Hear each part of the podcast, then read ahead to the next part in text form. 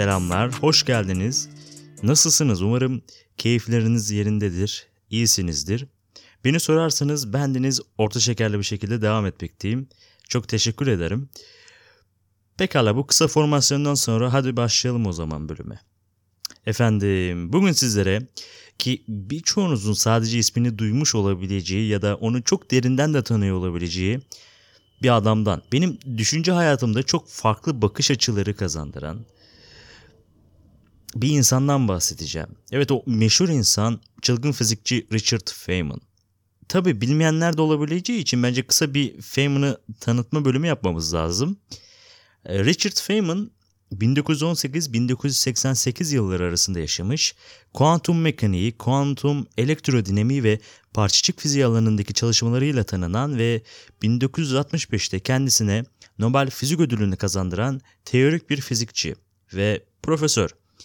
Ve tabii ki de aslında şöyle kısa kısaca tanıtabilirsek onu 20. yüzyılın en süslü beyinlerinden biri. Aman fizik dedik Kuantum elektrodinamiği dedik, kuantum mekaniği dedik. Sakın kapatmayın bölümü. Merak etmeyin çok fazla fizik alanına girmeyeceğiz bu bölümde. Bu bölümde 20. yüzyıl bilim tarihinde önemli katkıları olmuş bir bilim insanının bilime liderlik edişini ve bilim öğretim tarzını ele alacağız. Zaten Richard Feynman da sadece fizikle tanınmadığı için ya da her şeyi birbirine entegre edebildiği için çılgın deniyor olabilir. Bilmiyorum belki de ben uydurmuşumdur bunu. Yani şunu demek istiyorum. Bu adam bunlardan daha fazlası. İnanılmaz derecede meraklı bir insandan bahsedeceğiz bugün. Brezilya'daki sokak partilerinde davul çalan, resim yapmayı öğrenip ve ardından resimlerini Pasadena'daki genel evlere satmaya çalışan, işte resim yapıp bunları bir sergide toplayan ve çok ama çok demeyeyim de gerçekten çapkın bir adamdan bahsedeceğiz bugün.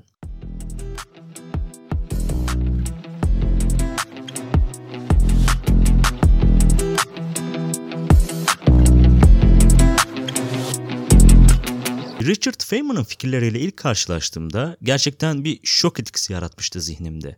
Çünkü gerçekten çok farklı bakabiliyordu olaylara. Sadece bir bilim insanı gözüyle değil de gerçekten bir keşifçi ruha sahipti. Beni en çok etkileyen hayata karşı ya da yaşadığı her olaya karşı bu kadar büyük başarılarına rağmen çok mütevazi olmasıydı. Bu bölüm ne Richard Feynman'ın hayatına ne de onun fizik dünyasındaki başarılarına bakacağız. Bugün diyebiliriz ki ona bu başarıları ulaştıran bakış açılarına, fikirlerine odaklanacağız. Ki hayatı ve fizikteki başarıları üzerinde konuşmak isterim ama bununla alakalı bilgilere çok rahat ulaşabiliriz. Kısaca bir Google'layıp her şeyi çok rahat ulaşabiliyoruz değil mi? O yüzden ben bu bölümde onun düşünce tarzını anlamaya daha fazla önem vermek istedim. Belki de bu sayede bizler de yeni bakış açıları kazandırabiliriz kendimize.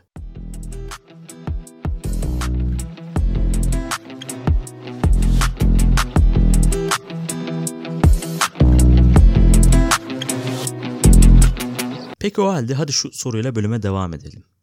Richard Feynman'ı bu kadar özel kılan ya da sıra dışı gösteren nedir? Tabii ki de şunu varsayabiliriz ki Feynman'ı tanıyan her insanın kendine özel bir nedeni olacaktır. İşte ne olabilir bu? Fizik ve matematik yetenekleri, bilimsel karakteri, bilimsel çalışmaları, bilim dünyasındaki etkisi ve bunun ve buna benzeyen birçok neden sayılabilir. Benim için bilim dünyasına yaptığı katkılar ve özel yaşamının yanında bilime bakışı yani yaşadığı zaman dilimi ve doğayı algılama, algılamaya liderlik edişi diyebilirim. Yaşamı, tarzı ve bakış açısı incelendiğinde sıra dışı bir bilim insanı görülmekte zaten. Bu sıra dışılık hem kendi hayatını renklendirmiş hem de diğer insanları ve yaşadığı dönemdeki bilim dünyasını etkilemiştir. İşte ben de Feynman'ın tarzı ve bakış açısını incelemeye başladığımda bilimsel düşünce ve öğrenme üzerine çok farklı bakış açıları kazanabildim. Ki Feynman için bana göre onu bu kadar sıra dışı gösteren sebepler bunlardır. Richard Feynman bildiğimiz üzere ya da bilmiyorsak bile artık biliyoruz bir bilim insanı ve çalıştığı teorik fiziğin anlaşılması için ciddi çaba harcamıştır. İşte belki Richard Feynman'ı şu yolla tanıyor olabilirsiniz. İşte sosyal medyada Feynman tekniği bayağı popülerdir. İşte öğrenmek için Feynman tekniğini uygulayın tarzında böyle içerikler görmüş, dinlemiş, yapmış olabilirsiniz. Feynman bu teknik sayesinde zor olan fiziğin nasıl kolay anlaşılabileceğini, nasıl kolay hale gelebileceğine dair, dair yol göstermiş bizlere. Richard Feynman'ın belki de en önemli özelliklerinden birisi karmaşık olaylarla karşılaştığında ya bir dakika beyler bu kadar karşı, karmaşık olamaz diye verdiği tepki ve bu tepkinin sürekli haklı çıkmasıdır. Feynman evrenin ve evrende işleyen yasaların aslında basit olduğunu ama durumu bu durumu insanın zihninin karmaşık hale getirdiğini savunuyor. Bir hayvanın ismini bilmek ile onun özelliklerini bilmenin farklı olduğunu belirtir ve ekler. İsimleri farklı dillerde farklı olabilir ve bir dildeki adını bilmemek o hayvanı bilmiyor olduğumuzu göstermez. Şimdi aslında bunu ben bir videodan aldım, bir konuşmadan aldım ve onun aslını şimdi dinliyoruz. One Sunday, all the kids were all walking in little parties with their fathers in the woods.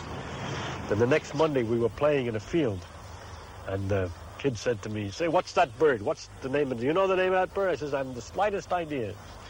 He said, "Well, it's a brown-throated thrush." He says, "Your father doesn't teach you anything." But my father had already taught me about the names of birds. He once we walked and he says, "That's a brown-throated thrush." He says, "Know what the name of that bird? It's a brown-throated thrush." In German, it's called a Flügelflügel.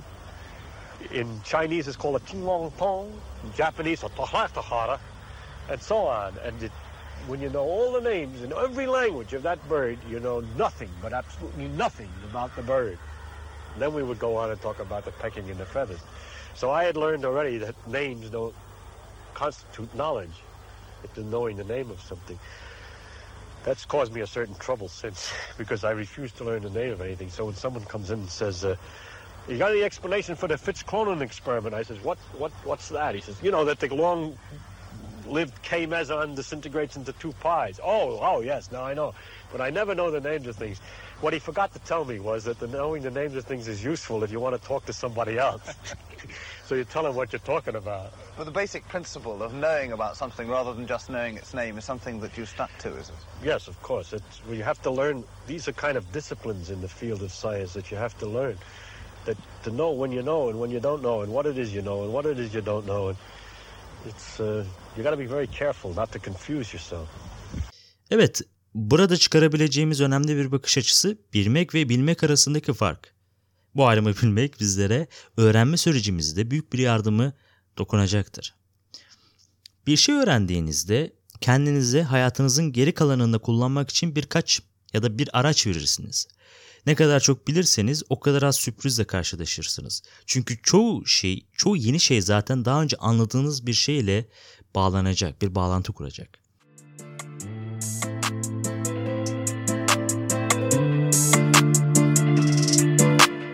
Pek çok insan birinin daha önce anlaşılmaz görünen bir şeyi açıklamasını dinleyip ve neredeyse hiç çaba harcamadan onu mükemmel bir şekilde de anladığını düşünür. Ama 10 dakika sonra şov bitmiştir. Kolayca kazandıkları bütün şeyler bir anda uçup gitmiştir. Burada bir şey öğrenirken kendimiz çalışarak acı çekmemiz gerektiğimizin farkına varmamız gerekir. Öğrenme sürecindeki ana şey budur. Burada Feynman'ın farkı bizlere bir kez daha herkese anlamının mümkün olduğunu göstermesiydi. Sonuç olarak öğrenmenin amacı dünyayı anlamaktır. Ama çoğumuz bilerek bir şeyi öğrenmeye zahmet etmiyoruz. Okuldaki vakitlerimizi düşünün. Bir şey ezberleriz, sonra çoğunu bir anda unuturuz. Yaşam boyunca bilgimizin uygulanabilirliğini genişletmek için deneyimlerimizden çıkar, çıkarımlarda bulunmalıyız. Değil mi? Feynman bu çıkarımları çok küçük yaşta yapmış ve uygulamış biri. Yani şunu demek istiyorum. Çok küçük yaşlarda deneyle, deneme yanılma yolunu öğrenmiş bir insan.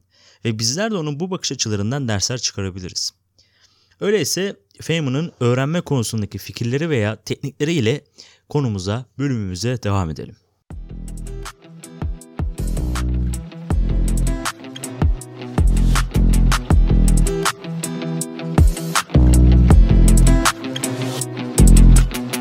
Evet, buradaki ilk bizim ders çıkarabileceğimiz ya da yeni bir bakış açısı kazanabileceğimiz fikir sevdiğimiz şeyi yapmak üzerine. Tabii Feynman kadar renkli bir kişilik ve onun kariyeri önümüzdeyken sevdiğimiz şeyi yapmak üzerine konuşmamak olmaz. Feynman küçük yaşlardan itibaren her türlü bilimsel deneyi kendi başına uğraşmış az önce de dediğimiz gibi. Hatta bir süre sonra annesi onu dışarıya birileriyle oynaması için zorlamış. Burada aslında odaklanmamız gereken Feynman'ın doğuştan gelen tutkularını ve merak duygusunu hiçbir zaman terk etmemizdir. Mesela gerçekten tutkularımızla uyumlu ya da meraklı bir iş üstündeysek bu işte başarısız olma, olmama gibi bir durum söz konusu olmuyor. Aslında e, başarı ya da başarısızlık benim için bir değerlendirme kriteri de değil. O yüzden sıkıcı olmuyor desem yani o iş bir yük haline gelmiyor desem benim açımdan daha doyurucu bir cümle olacak. Feynman hayatı boyunca ben sanmıyorum ki fizik üzerine bu kadar çalışmaları ona asla bir yük olarak gelmemiştir. Ya da yaptığı diğer onca şeyler.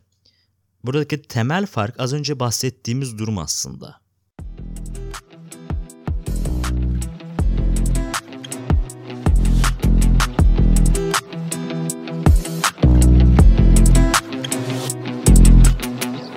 It has to do with curiosity.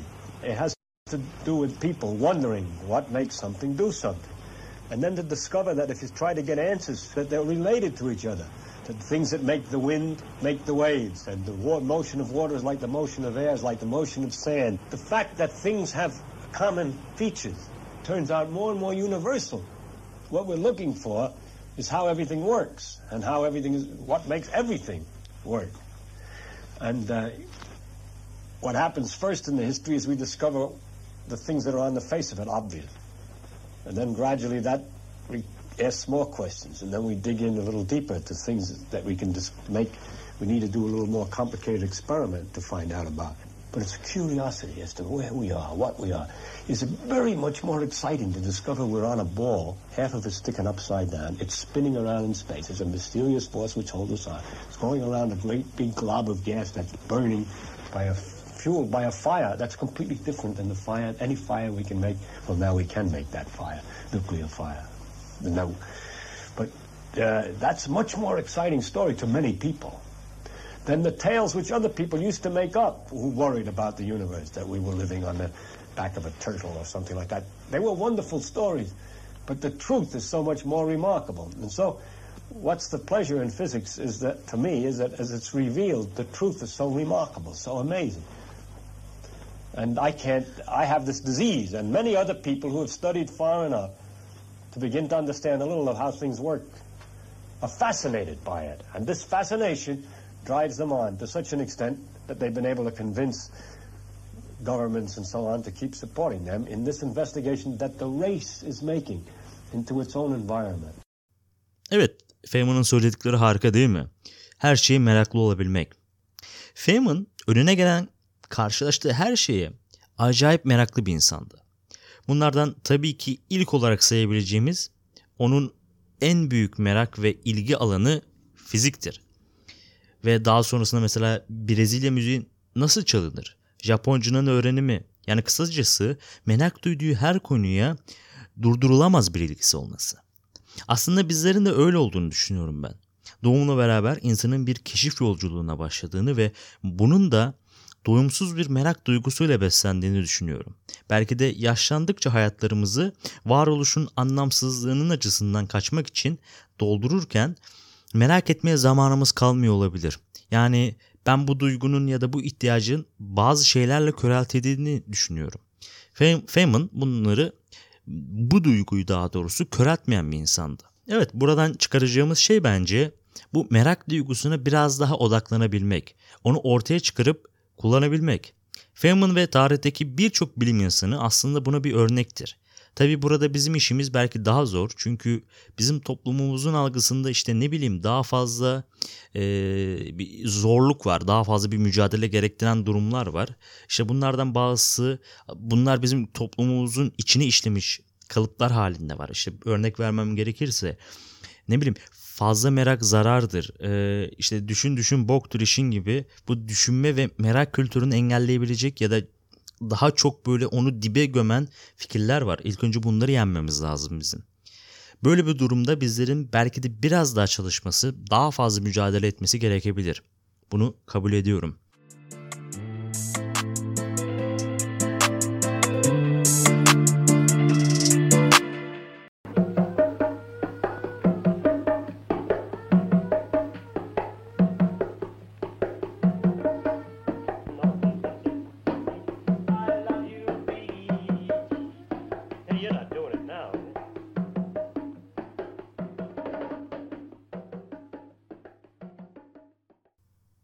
Az önce duyduğumuz duyduğumuz kısım, duyduğumuz parça Feynman'dan bir kısa bongo dinletisiydi. Evet, bu başlıkta buna bence uyumlu olacağını düşündüğüm yeni bir şeyler denemekten korkmamak. Burada vurgulamak istediğim yeni bir şeyler deneme cesaretini denemek. Sonucu ne olursa olsun bizleri çok fazla dallara bölebilir. Bu sayede birçok konuya birçok farklı açıdan bakabilme özelliğine sahip olacağızdır. Ayrıca yeni bir şeyler deneme cesareti kazandıktan sonra karakterimiz ve hayatımız bambaşka renklere sahip olacaktır. Aynen Richard Feynman'da olduğu gibi.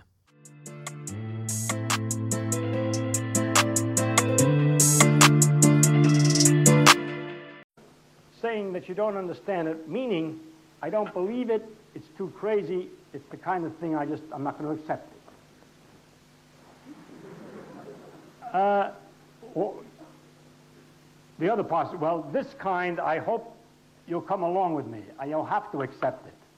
Because it's the way nature works. If you want to know the way nature works, we looked at it carefully. Look at that's the way it looks. You don't like it? Go somewhere else. to another universe where the rules are simpler. Philosophically more pleasing, more psychologically easy. I can't help it, okay? If I'm going to tell you honestly what the world looks like to, to the to human beings who have struggled as hard as they can to understand it, I can only tell you what it looks like, and I cannot make it any simpler. I'm not going to do this. I'm not going to simplify it. Eh? I'm not going to fake it. I'm not going to make tell you it's something like a ball bearing on a spring. It isn't. so I'm going to tell you what it really is like, and if you don't like it, that's too bad. Okay. There's also the possibility that you don't understand. Evet ben bu dinletiyi dinledikten sonra bunun başlığını eğlenceli ya da matrak olabilmek olarak koymuştum, düşünmüştüm. Kısacası bu dinletide Feynman dünyayı keşfetme zorluğundan şikayet eden bir takım insanlara oldukça eğlenceli bir şekilde cevap veriyor. Burada benim vurgulamak istediğim ise yaptığımız her ne iş olursa olsun onunla eğlenceli bir şekilde kalabilmek. Hani geçen bölüm geçen bölümü hayatla kavga etmeyi bırakın dans etmeye başlayın diye bitirmiştik ya. Aslında Feynman genel olarak hayatı boyunca bu felsefeyle ilerlemiş. Farkında olsun ya da olmasın. Olaylara yaklaşım tarzı her zaman işleri kendi zevki ve eğlencesine göre ayarlamak olmuş. Bu belki de hayatımıza kazandırabileceğimiz çok önemli bir bakış açısı diye düşünüyorum ben.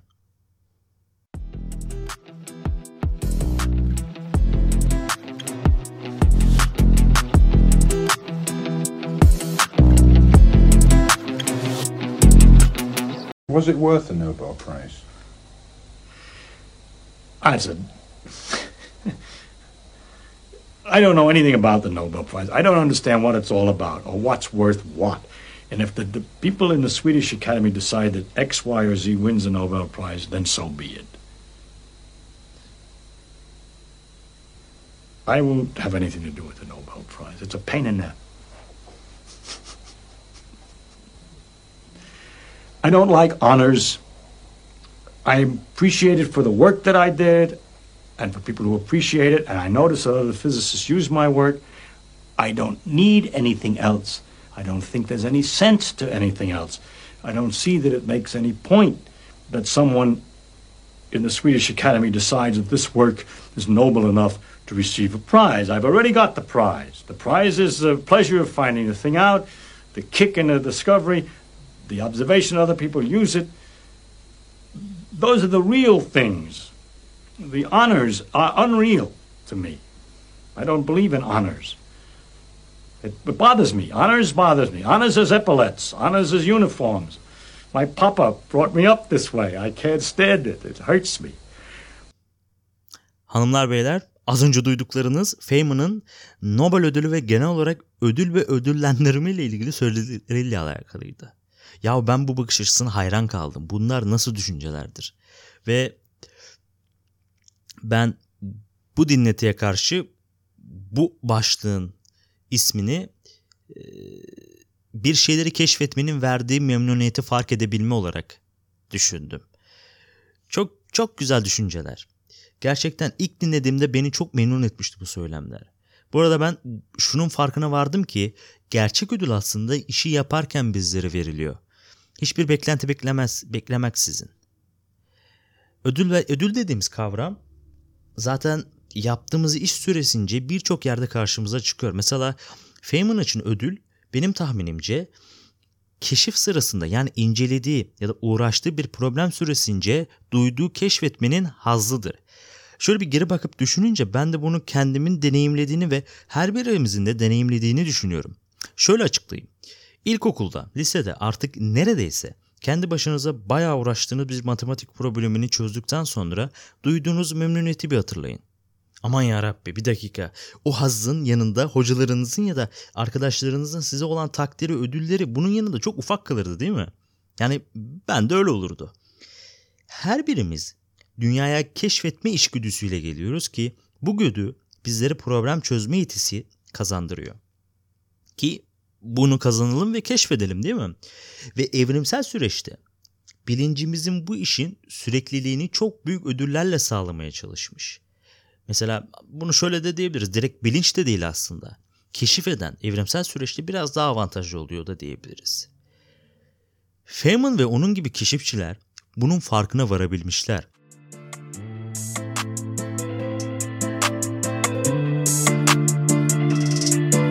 Ya şimdi bir sürü konu konuştuk değil mi? E, diyebilirsiniz ki bunlar o kadar kolay şeyler değil. Sen bu kadar konuştun ama bunun uygulaması da var. Bu uygulama o kadar kolay olmayabilir. Ben Femin kadar şanslı bir insan değilim diyebilirsiniz. Ki haklısınız da. Sizin tarafınızdan incelendiğinde bunların her birinin haklı bir gerekçesi olabilir. Bakın Feynman bu konuda bizlere ne diyor? You asked me if an ordinary person, by studying hard, would get to be able to imagine these things like I imagine. Of course, I was an ordinary person who studied hard. There's no miracle people. It just happens they got interested in this thing and they learned all this stuff. They're just people. There's no talent, a special miracle ability to understand quantum mechanics or a miracle ability to imagine electromagnetic fields that comes without practice and reading and learning and study. So if you say you take an ordinary person who's willing to devote a great deal of time and study and work and thinking and mathematics and time, then he's become a scientist. Feynman aslında burada durumu bizler için özetlemiş. Ben o yüzden bu bölümün alt başlığı olarak gerçekleri kucak açabilme olarak almıştım, düşünmüştüm. O her ne düşünüyorsa düşüncelerine karşı olabildiğince dürüst olabilmeye çalışıyor. Bakın bu çok önemlidir. Buradan çıkarabileceğimiz fikir şu olabilir belki de. Gerçeklere karşı daha olgun ya da daha gerçekçi bir bakış açısıyla bakabilme yeteneğimizi geliştirmemiz olabilir. Durumlardan veya diğer insanların itibarından korkmadan düşündüklerimizi açıkça ifade etmek. Bu buradan çıkarabileceğimiz güzel bir fikir. Evet e, söylemesi kolay olduğunun ben de farkındayım. Fakat hayatımızda uygulaması birçok sebepten dolayı zor olduğunun da farkındayım. Fakat bunun üzerinde bu bölüm sonu biraz daha kendi başımıza derinlemesine düşünelim. Neden gerçeklere daha gerçekçi bakmayız kısmında aslında geçen bölümde acı kavramı ile uzunca bir giriş yapmıştık hatırlıyorsanız. Dinlemediyseniz geçen bölümü dinleyebilirsiniz. Burada ilk önce acıya karşı perspektif, perspektifimizi değiştirip daha sonra gerçeklere daha farklı bakmaya ve kendimizi ve diğerlerini daha dürüst olmaya çalışabiliriz.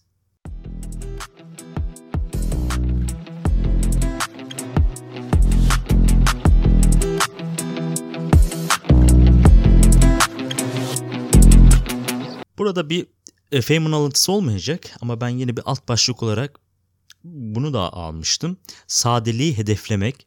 Burada benim konuşmak istediğim yaratıcı olabilmenin zorluğu aslında kompleks olan bir şeyleri daha basite indirgeyebilme kısmını incelemekti. Yani burada benim sadeliği hedeflemek diye incelemek istediğim alan buydu aslında. Feynman, Feynman'a baktığımızda bu fikirden yola çıkarak bunun fizik alanını geçerliliğini yapmış bir insan. Yani kompleks bir şeyleri daha basite indirgeyebilmiş. Mesela örnek vermem gerekirse Feynman diyagramları değil mi? Merak eden arkadaşlarımız varsa onu da Google'layıp hemen araştırabilir. Yani fizikte karmaşık olan bir şeyleri daha basite indirgeyebildi. Buradaki bizim çıkarabileceğimiz, inceleyebileceğimiz kavram bu. Hatta şöyle de bir sözü var. Yanlış hatırlamıyorsam ya da hatırladığım bölük pörçük kısmıyla. Şöyle fizikte ne zaman konuyla ilgili daha derin bir yasa bulsam işler daha basitleşmeye başlıyor gibisinden bir sözdü hatırladığım kadarıyla. Hanımlar beyler bu gerçekten ama gerçekten yaratıcı bir zihnin yeteneğidir. Burada odaklanmak istediğim kısım bu sadeliğin, bu basitleşmenin hayatımızın diğer alanlarında da uygulanabilirliği. Yaptığımız bir işi komplekslik, komplekslikten çıkarıp basitliğe doğru indirgemede yaratı, yaratıcılığımız bizim burada söz konusu olan şey. Bu, bu perspektifi alıp hayatımızın her alanında uygulamaya çalışalım. Bir deneyelim bakalım. Hayatlarımızda ne gibi farklılıklar olacak. Yani burada bizim temel kıstasımız şu olabilir. Hadi her birimiz sade olalım.